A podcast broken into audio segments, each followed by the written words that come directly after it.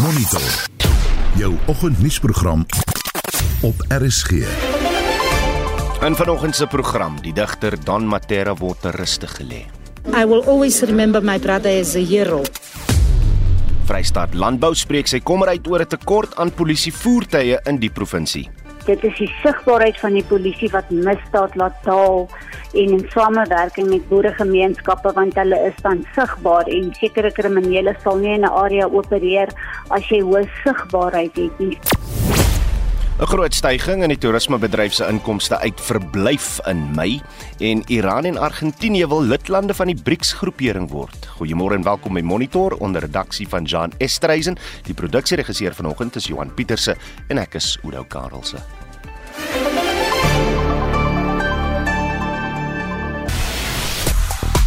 Plastiekvrye Julie is 'n internasionale veldtog wat bewustheid probeer skep onder mense oor hulle oormatige gebruik van plastiek. Wat doen jy om minder plastiek te gebruik? Is daar omgewingsvriendelike alternatiewe vir plastiekhouers en verpakkings wat jy gebruik? Stuur 'n SMS na 45889. Dit kos jou R1.50 per boodskap of praat saam op die Monitor en Spectrum Facebookblad. Drama vir Banyana Banyana in gisteraand se Vroue Afrika Nasies beker halfeindstryd. Die cricket wêreld word deur 'n uittrede geskok en die Engelse vrouespan maak skoonskip teen die Proteas. Ek is Shaun Schuster en is later terug met meer inligting. En in sosiale media gons dit oor Banyana Banyana wat weer eens Suid-Afrika trots maak. Hulle dring deur na die eindstryd van die Vroue Afrika Nasies beker wat Saterdag die 23ste afskop. Die hitsmerk daar is Banyana Banyana.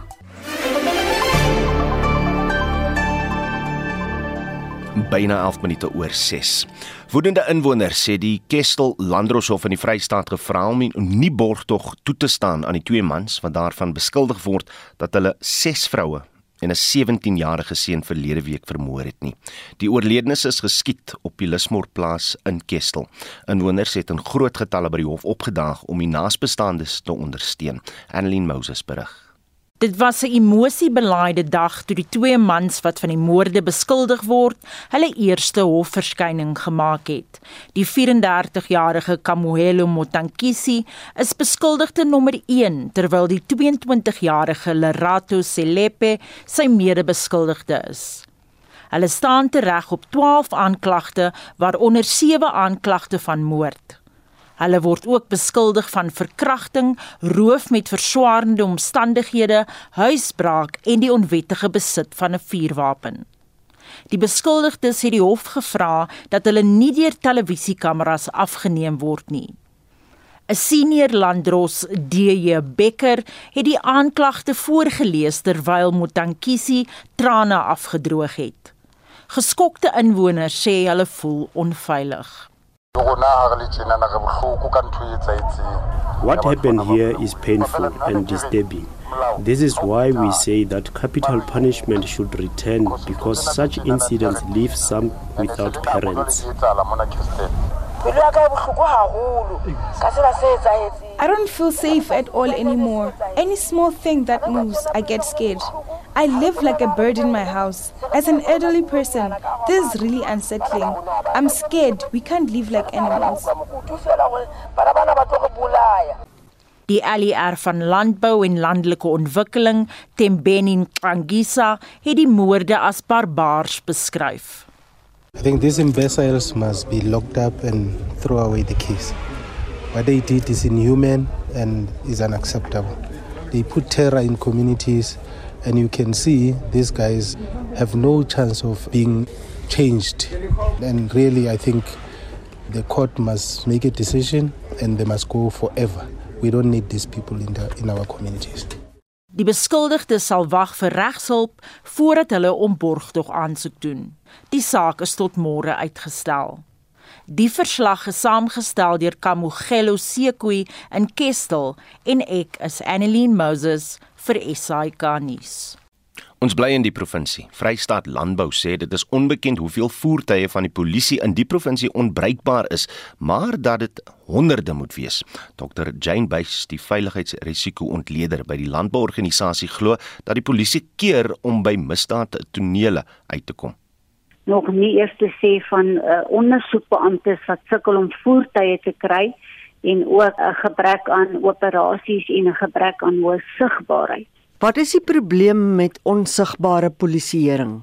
Die gebrek met onsigbare polisieering is eintlik een van die kernaspekte wat die polisie in hulle operasionele mandaat moet uitvoer want dit is die sigbaarheid van die polisie wat misdaad laat daal en in samewerking met boeregemeenskappe want hulle is dan sigbaar en sekere kriminele sal nie in 'n area opereer as jy hoë sigbaarheid het nie. So dis baie belangrik dat die polisie in terme van hoë sigbaarheid moet domineer in sekere areas. Dit sien ons nie.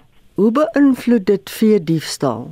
Daar is 'n geweldige probleem op hierdie stadium ten opsigte van veediefstal. Dit is ook so genoem op die nasionale veiligheidsberaad onlangs deur die minister en het die nasionale polisiekommissaris dit so ook uitgewys dat veediefstal is 'n krisis en dat die polisie moet herbesin in terme van sy strategie om veediefstal aan te spreek.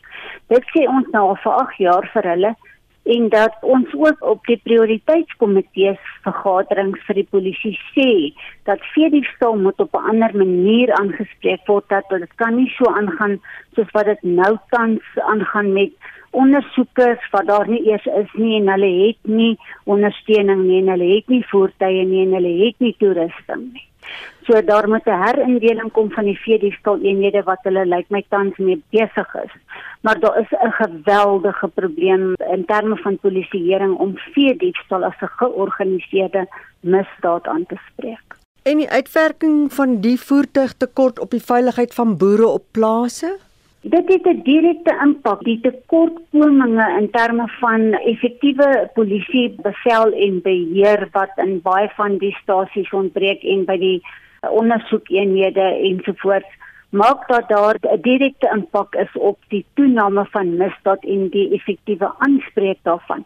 Jou drie operasionele divisies van die polisie wat misdaad moet aanspreek, soos in sigbare polisieering, speurders en misdaadintelligensie, gaan gebuk onder voertuie, gebrek aan toerusting, mannekrag en dan effektiewe bevel en beheer.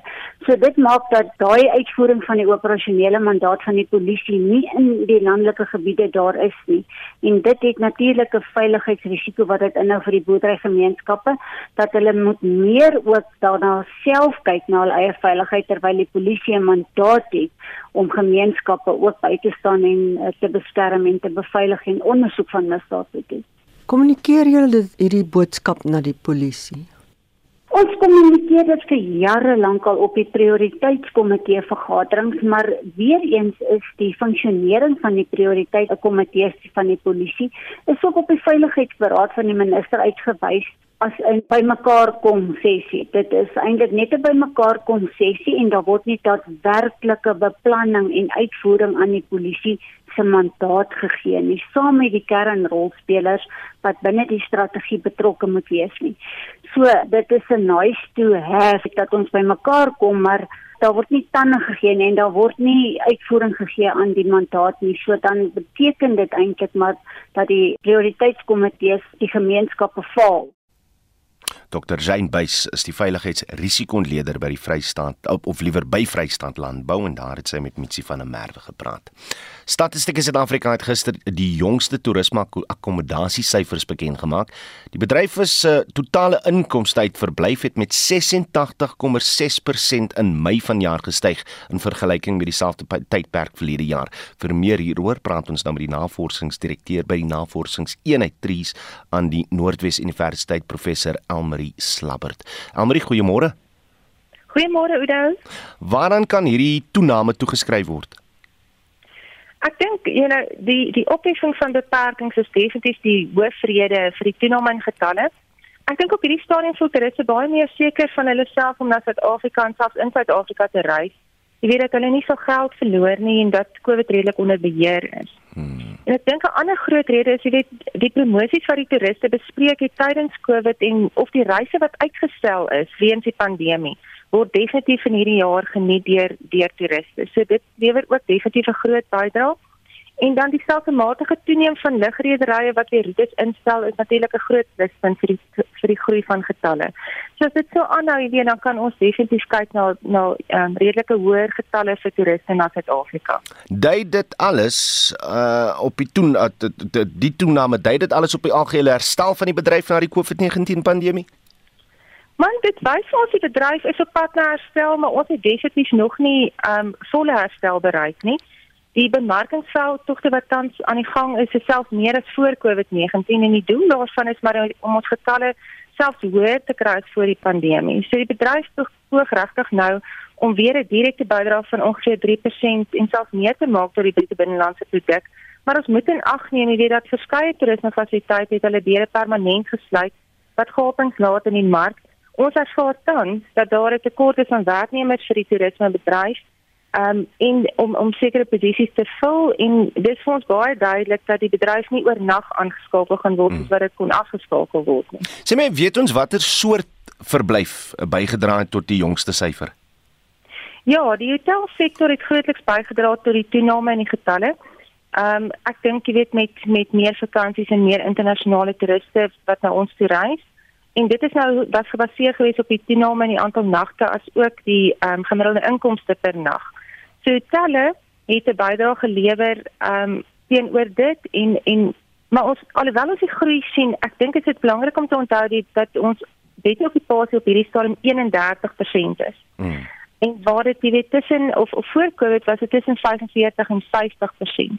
So alhoewel daar groei is, dis kom ek sê dit is nog nie heeltemal waar ons moet wees nie want die bet op die pasie is nog laag. Gaan dit dan ten minste nog ons groot hotelgroepe aan die lewe hou? Dit gaan verseker dit dit uh, tot gevolg hê.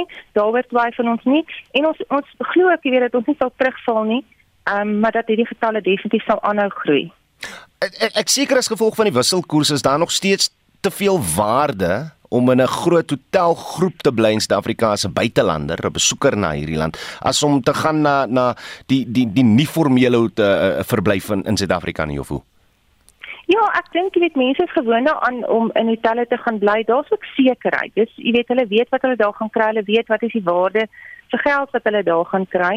Ehm um, hulle weet met ander woorde wat om te verwag. Hmm. So dit bly maar 'n voorkeur keuse ehm um, vir ons internasionale toeriste. Alhoewel ons ook groei sien, jy weet in van die ander ehm um, nie formele dele ook soos ons gastehuise en en selfsorgeenhede, maar die groei was minder as in die hotelsektor. So dit bly 'n gewilde opsie definitief. Gaan jy 'n voorspelling waag vir die einde van die jaar? My voorspelling sal altyd positief wees. Ehm um, so jy weet ons sien die getalle en ons besef die groei is nie groot nie, maar ons werk vorentoe jy weet om hierdie groei um verder te verseker. Ons word egter maar en dit is iets wat mense altyd in gedagte moet hou. Jy weet die die toerismebedryf funksioneer nie um alleen nie en is maar afhanklik van buitesektore. As ons byvoorbeeld dink aan die voortsleepende kragondernemings en ons ag um, kragonderbrekings en ons dink aan bekommernisse rondom sekuriteit en veiligheid. Jy weet, al oh, hierdie tipe van goed beïnvloed ook natuurlik toeriste se besluitneming. So dit vat eintlik, jy weet, 'n um, ehm, meer as net die toerismebedryf alleen om hom weer op sy voete te te kry. Ons ek ek baie positief vir die plaaslike mark. Ek dink hmm. die plaaslike mark gaan vir ons steeds baie belangrik bly um, in in die tyd wat vir ons voor lê. So ek ek kom met 'n versigtige versigtige optimisme vir oggend. Ehm um, wat ons het ook geleer, weet nie bedryf moet ons buigbaar wees. En dit was professor Almarie Slabbert, die navorsingsdirekteur by die Navorsingseenheid Trees aan die Noordwes Universiteit. Daar is genoeg reën, sekere damme is vol, maar mense in sommige plekke het nie water nie. Teen die middel van van die jaar was die nasionale gemiddelde beskikbare gebergtewater 94% in vergelyking met 85% dieselfde tyd verlede jaar. Maar 'n stad soos Keiberga kan binnekort nie genoeg water vir sy inwoners hê nie. Om dit te ontrafel, praat ons nou met professor Anja Du Plessis, 'n mede-professor in die departement geografie aan Unisa. Môre Anja. Goeiemôre. Die stad het wel 'n droogte gehad. Hoe erg was dit? Wel, die stad is steeds in 'n droogte. Ehm um, dis eintlik waar die artikel eintlik gaan. Ek meen as ons kyk na die val, ons mense hier in Johannesburg is baie gelukkig, dat die val doen baie goed die valstelsel, maar as jy kyk na die opvangsgebiede in die Oos-Kaap doen hulle nie so goed nie. So hulle het nog nie eintlik genoeg water gekry van reënval om die die krisis te te beperk nie. Mm. Wat is die probleem met die bestuur van water in Kleiberga en en en in die Oos-Kaap in die algemeen? Kyk, ek dink dit is 'n nasionale sindroom. Ek dink nie dat ehm um, nasionale dit dat dit net deur die area is nie. Ek meen Kaapstad het ook uh, amper gesit op dieselfde probleem. Jy kry ander gedeeltes in Suid-Afrika wat ook nie enige water toevoer het nie.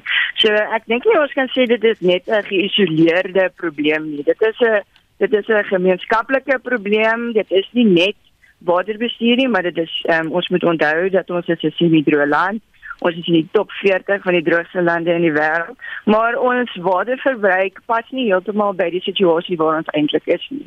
Ehm um, ons waterverbruik is bo gemiddeld die globale ehm um, gemiddeld en ons ontvang 'n jaarlikse reënval van slegs 450 mm waar die wêreld se gemiddeld gemiddeld is 850. So ons moet kyk na al hierdie al hierdie faktore maar die hoofprobleem van waterbestuur kan dalk kan wees om te sê ons het 'n gebrek van kapasiteit hmm. en ons het 'n gebrek van ingeligte besluitneming wat tot hierdie nou gelei het. Ek verstaan ook dat inwoners spesifiek van Kleberga nog steeds al daaglikse waterbeperking oorskry. Is dit ja. moet ons nou begin kyk na na tigstappe wat strenger is en en reg oor die land toegepas sal word waar waar daar groot watertekort is of hoe? Kyk, ek, dit is 'n baie groot probleem en ek weet die minister het daarna gekyk en gesê dat hulle gaan ehm um, ehm um, daarna kyk. Ek weet nie of hulle enigsins enige wetgewing uh, ingesit het by die munisipaliteite nie. Dis 'n ander probleem. Ehm um, so jou minister kan sê, luister, hierdie is die probleem, maar as, as dit nie op grondvlak soos met ons uh, munisipaliteite wat meestal nie funksioneer. As dit nie deurgaan tot op die laer vlakke nie, gaan geen besluitneming in enigheid gebeur nie. Hmm die oplossing langtermyn. Wat is dit?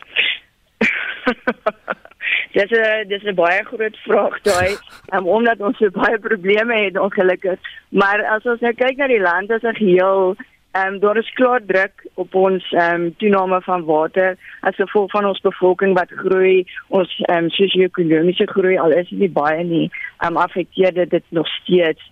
Ehm um, ander faktore soos landbou wat moet probeer bybly by voedselverbruik. Ehm um, dan jy ook jou aanhoudende waterbesoedeling soos riool. Ek dink ons almal sien riool wat uitspoel ehm um, in ons strate in. Ehm um, ons het dan ook dan die die faktore van as jou kwaliteit van water nie goed is nie en dit is on, on, onaanvaarbaar, dan verminder dit jou water wat jy kan gebruik ook. So ons moet dit ook onthou. Dan het ons die hele groot waterinfrastruktuur ehm um, probleem. Meeste daarvan is vervalle, die ehm um, gebrek of ge afwesigheid van die onderhoud van hierdie huidige infrastruktuur is 'n groot probleem veral in die Oos-Kaap. Ehm um, munisipaliteite weer eens wat nie funksioneer nie. So ons moet daar op die grondvlak moet ons meer ingeligte mense kry wat gewillig is om te help om die probleem te probeer oplos of te verminder. Maar ek sien in terme van ehm um, langtermynplanne ek sien nie veel um, in die media daaroor nie maar ek sien in terme van korttermyn soos jy sê hulle het gesê hulle gaan nou die waterverbruik van mense probeer verminder. Hoe weet ek nie heeltemal nie. Ek weet hulle is weer weer, weer eens besig om uh, boorgate te boor veral in die landelike gebiede.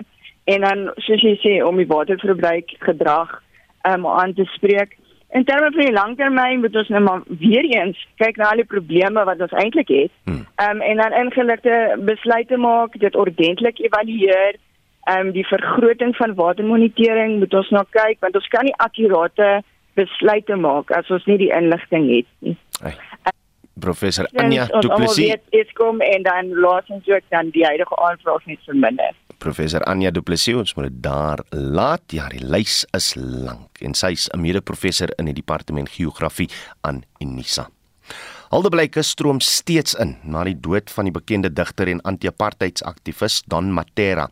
Hy is gisteraan in gevolg die in gevolg die moslim geloof in die Wespark begrafplaas in Johannesburg begrawe. Hy was 87 jaar oud. Bianca Olifant berig. Matera se suster, Kailina sê, hy het altyd vir die regte van ander mense, veral mishandelde vroue opgestaan. He took gang members there and he turned them into sportsmen. His take on women is destitute children, women that are abused. That was very soft spot with Don. He believed that the youth could change away from drugs and addiction what he always said we must give them compassion and lift them up to become better people and better persons in society. And I will always remember my brother as a hero.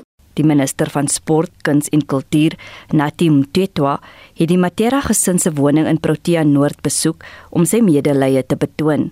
His fight for what he believed in, using everything available for him. He used to say that his words are a weapon. They hurt those who are supposed to be. If you look at his work, by and large talks to the youth, talks to the children.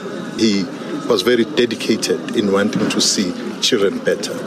Die menseregte aktivis Sipho Mantula sê Matera was ook 'n vaderfiguur vir baie mense. Courage, love for the children of this country, love for Africa. One thing I think about, about Bradon was his love for the PC. So I think the legacy that Bradon leaves is a legacy of not only of a journalist, but of a father as well, and of an elder in our struggle. Dit was die menseregte aktivis Sipho Mantula. Die verslag is saamgestel deur Paul Magubane en ek is Bianca Olifant vir SAK nuus. Jy luister na Monitor. Elke weekoggend tussen 6 en 7. Byna 6:30 en in die nuus, die seun, skoondogter en vier kleinkinders van Jadinkminister van Vervoer Sindisiwe Chikunga is in 'n padongeluk op die N11 tussen Mpumalanga en KwaZulu-Natal dood. En Turkye, Egipte en Saudi-Arabië oorweeg dit om aansoek te doen om lidmaatskap van BRICS. Bly by ons ingeskakel.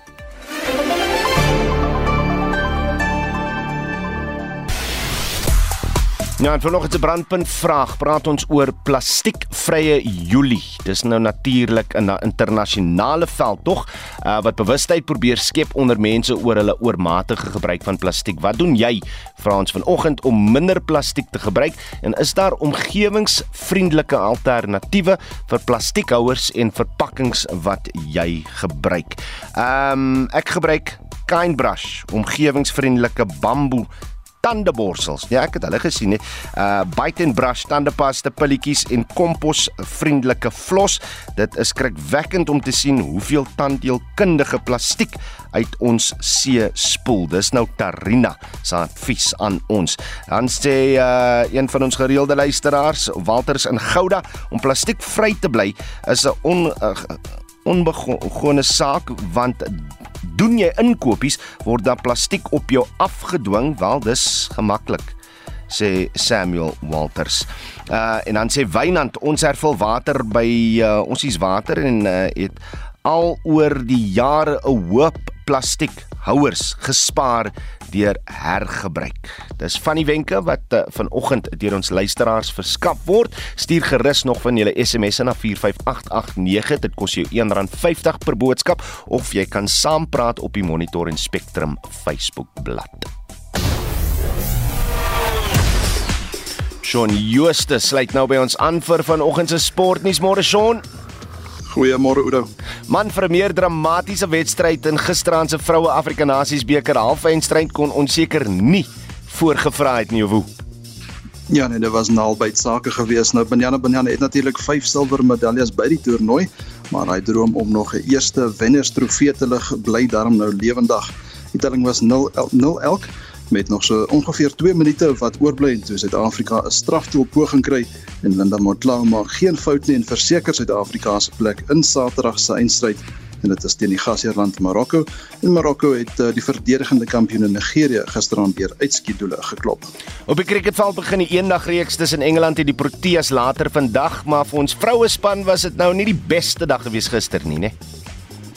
Ja, vir die manspan is die eerste van 3 eendagwedstryde en die kragmeting begin vanmiddag 2 by die Riverside Stadion in Durham.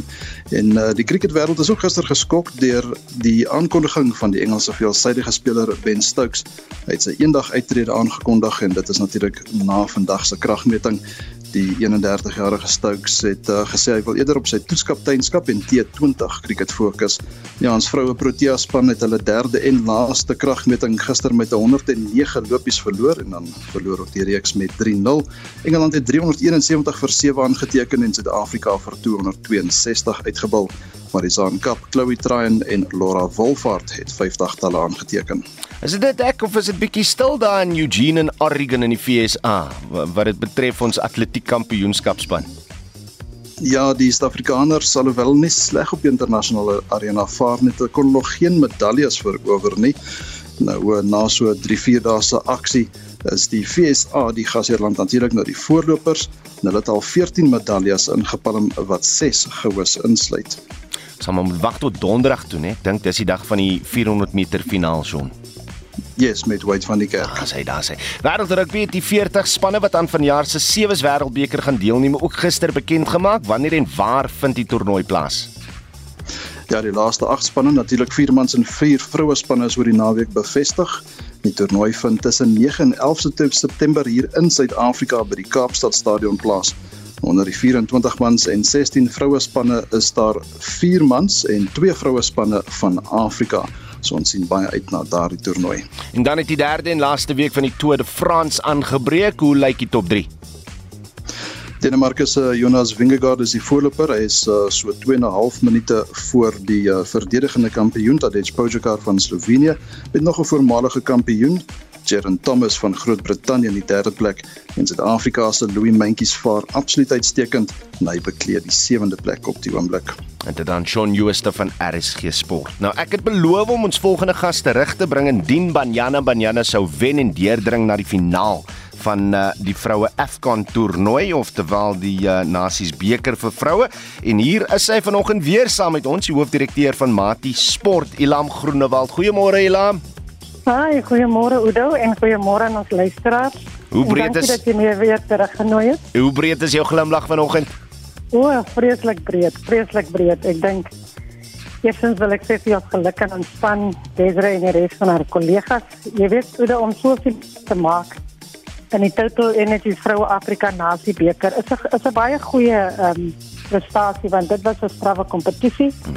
En ons weet Afrika het 54 lande en om 12 van die 54 lande te wees wat deel te neem is fantasties. So ja, ek is verskriklik opgewonde dat ons die finale bereik het. Daai span van Desiree Ellis is 'n groep vuurvreters want hulle moes gister soveel druk verduur van hy Zambië span voordat hulle uiteindelik hy doel aangeteken het. Ja, die Zambië se koperkoningin het ons span beslis harde tyd gegee. Ons het ehm um, ehm um, gewen, uh, maar ons het sommer baie gesukkel. Ek dink die tweede helfte die wedstryd baie beter gegaan, so ja, Desiree het seker harde hmm. gesprekke met hulle gevoer na die eerste helfte. Maar dit was moeilik. Ek dink ons ons ehm um, verdediging ehm um, was nie goed genoeg nie, maar dit was goed genoeg van ons kon die passie byhou. Jy weet ek is nie die absolute kenner in ja, sokkerreels ja. nie, maar vir my uh, kon ek sien dat ehm um, jy weet die, die skeieregter het daar het daar baie goed gekwyt van haar taak. Linda Matlalo uh was was baie goed. Mm. En sy sy sy was kalm. Dus sy toe ons daar die straf toe kry en sy kon dit aanteken. Enigiets kon gebeur het. Ah, so ja. Ek kan jou net sê daar word nog groot gedebatteer oor daai strafdoel van gisteraand, uh, maar soos hulle in Engels ja, sê, you, you take the good with the bad in Suid-Afrika deur finaal toe.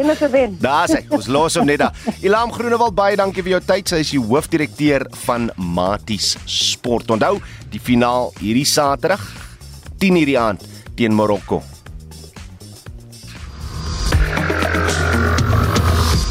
Erlyn Moses sit gereed met 'n blik op wêreldnuus gebeure. In Europa is daar erge kommer oor uitermate hoë temperature en veldbrande in veral Frankryk maak opslaa, Erlyn. Ja, die noorde van Spanje ervaar temperature van 40 grade en Brittanje kan vandag rekord temperature verwag. In die suidweste van Frankryk is 30000 mense gedwing om hulle huise weens die veldbrande te verlaat. Waterbomme word gebruik om die vlamme te blus, maar brandweermanne voer 'n opwaartse stryd in die versengende hitte. 'n Brandweerman van Gironde, Sebastian Castel, het die situasie so beskryf. The fire rekindles in many places. We have to be very careful with these conditions. We're in a pine forest. The vegetation is so dry here, and with the temperatures, the fire reaches the top of the trees very quickly. Flames reach up to 80 meters high.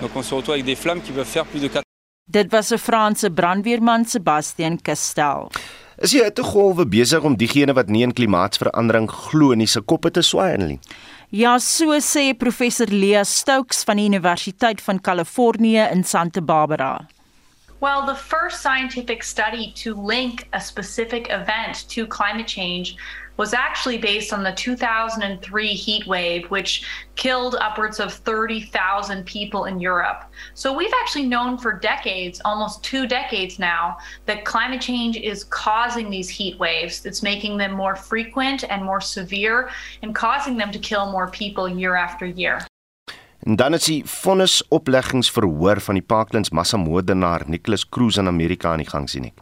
Ja, Cruz het skuld beken op 17 aanklagte van moord nadat hy 14 leerdlinge en 3 personeellede by sy voormalige hoërskool in Parkland in Florida vermoor het. Dit is een van die rare gevalle waar 'n aanvaller voor 'n jury verskyn omdat die misdadigers geneig is om hulle self om die lewe te bring of deur die polisie doodgeskiet word. Dit is die hoofstaatsaanklaer in die saak, Mike Salt se openingsrede. The defendant in this case made a cell phone video on his cell phone. And this is what the defendant said Hello, my name is Nick.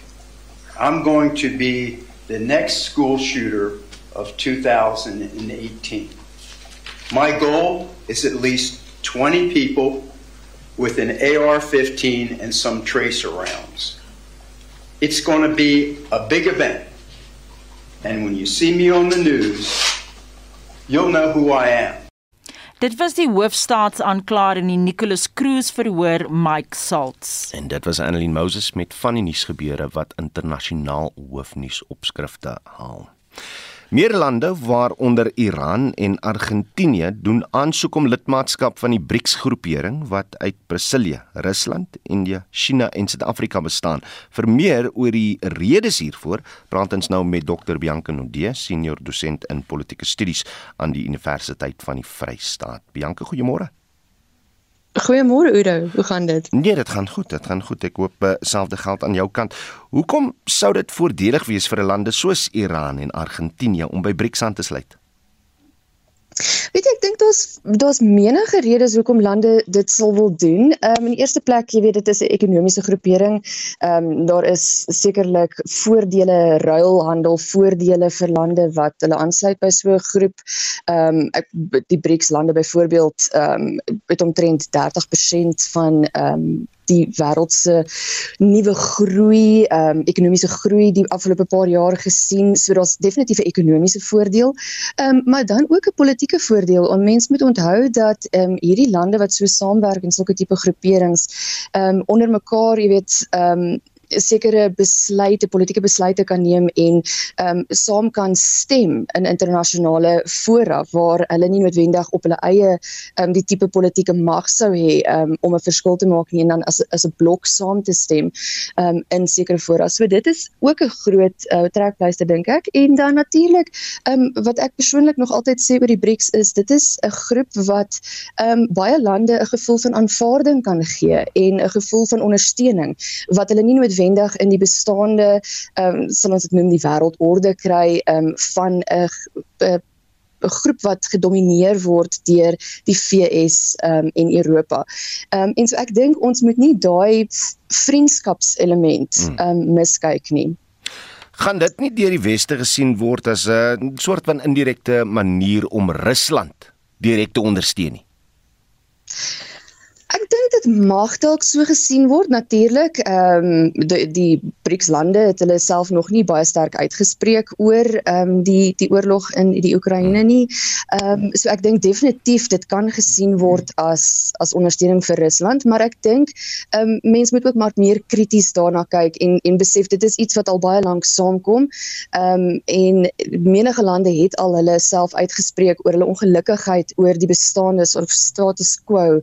Ehm um, van van die wêreldekonomie en die wêreldpolitiese situasie. En so ek dink mense moet 'n bietjie verder kyk ook as net die net die uh, Russiese-Oekraïne oorlog mm -hmm. en besef dat dis is 'n weier ehm um, tendens hier aan die gang.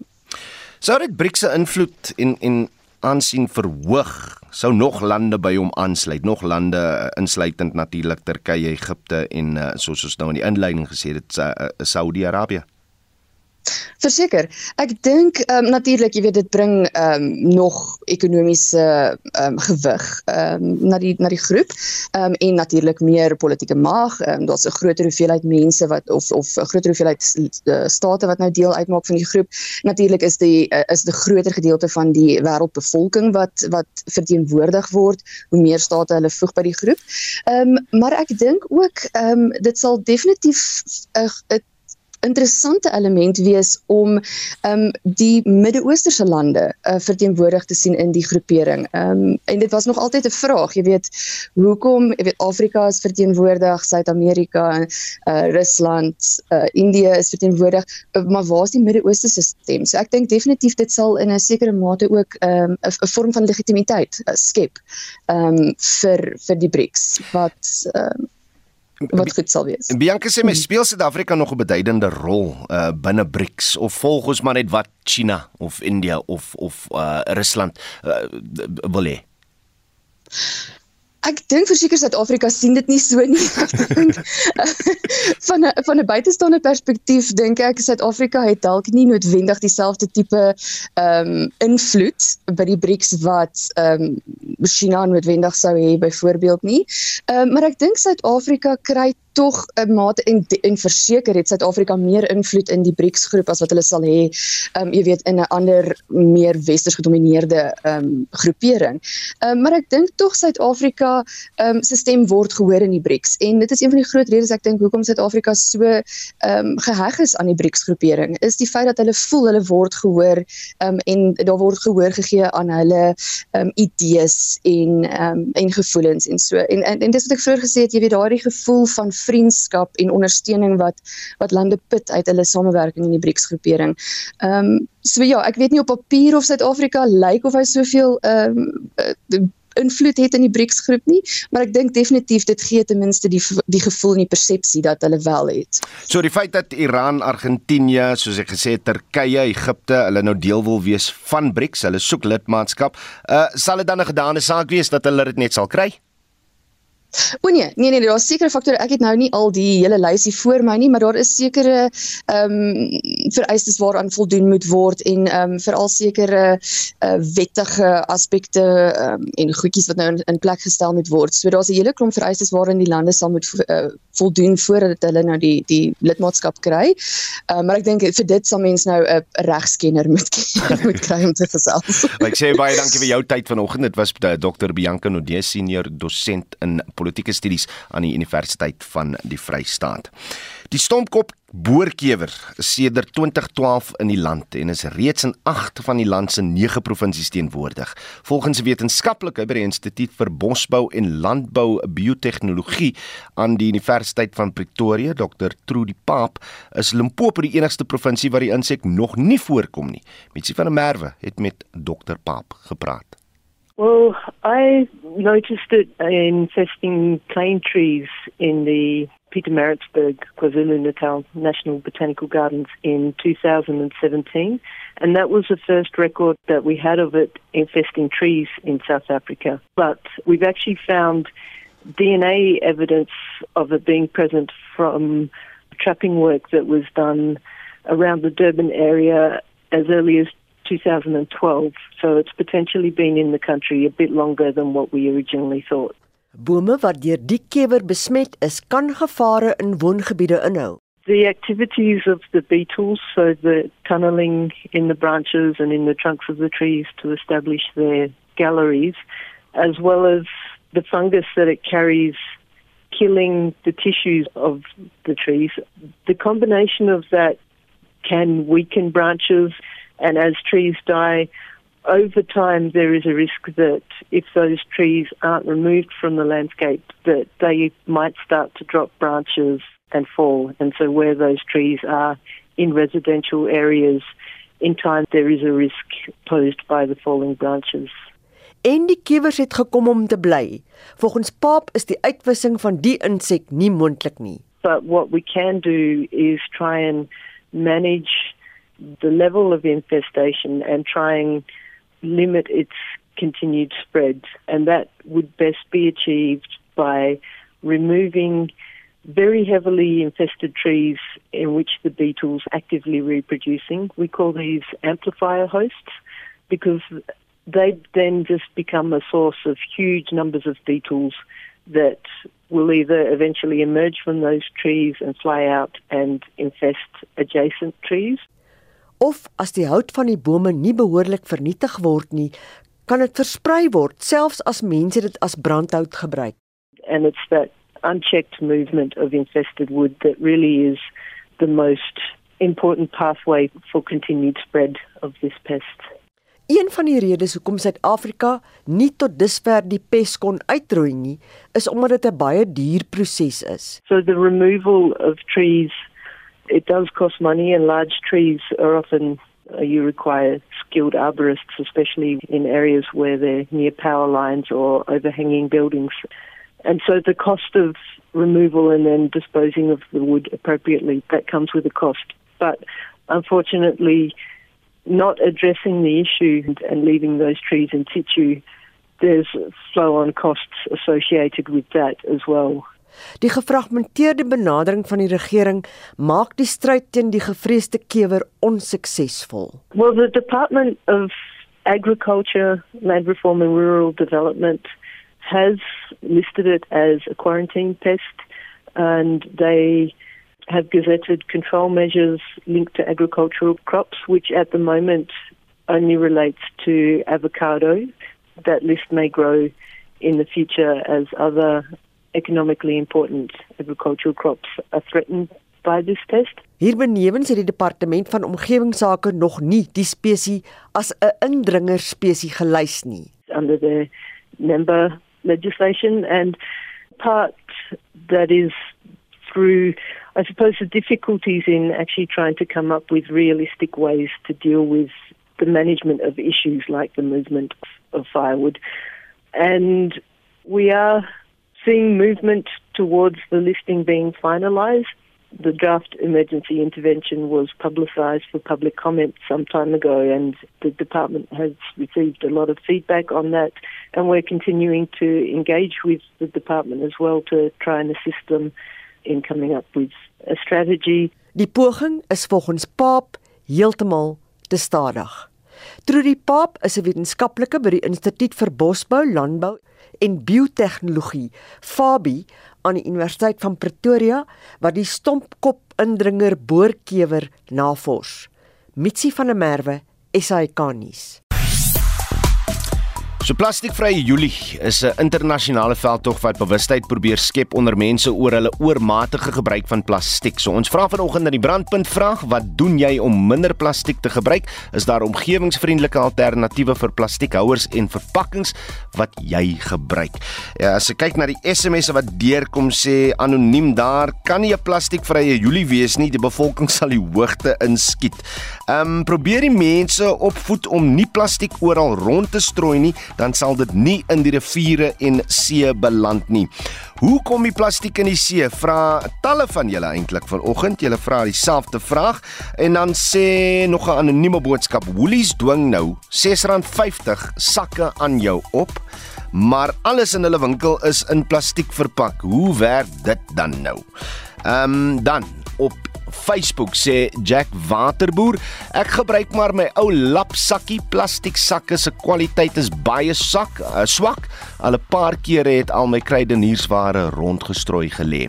Kathy Smith sê ek probeer my sakkies weer gebruik, maar die kwaliteit is so swak dat dit dat dit skeer na eerste gebruik en die lapsakke is te bonkig om oral saam te karwei. En dan sê Susie Karato, uh, gebruik geen plastiek inkopies sakke nie uh, as een praktyk. Ja, dis iets wat ons almal kan doen.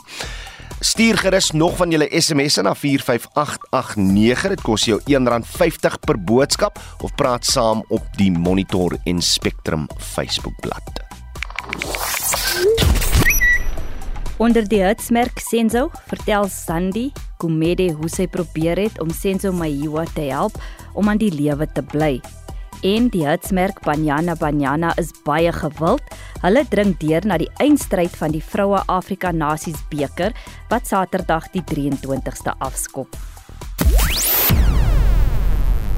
Waar 'n bonus vir elkeen van die spelersgroep van 400 000 rand wag as hulle na Marokko klop in die finaal.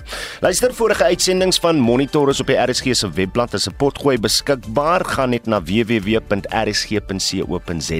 Onthou om in te skakel vir ons ander nuus aktualiteitsprogramme Spectrum tussen 12 en 1 vanmiddag asook Brandpunt omstreeks kwart voor 6.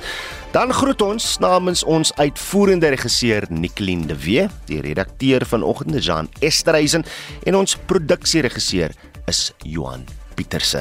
Geniet jou dag in die geselskap van RSG op en wakker is volgende. Totsiens.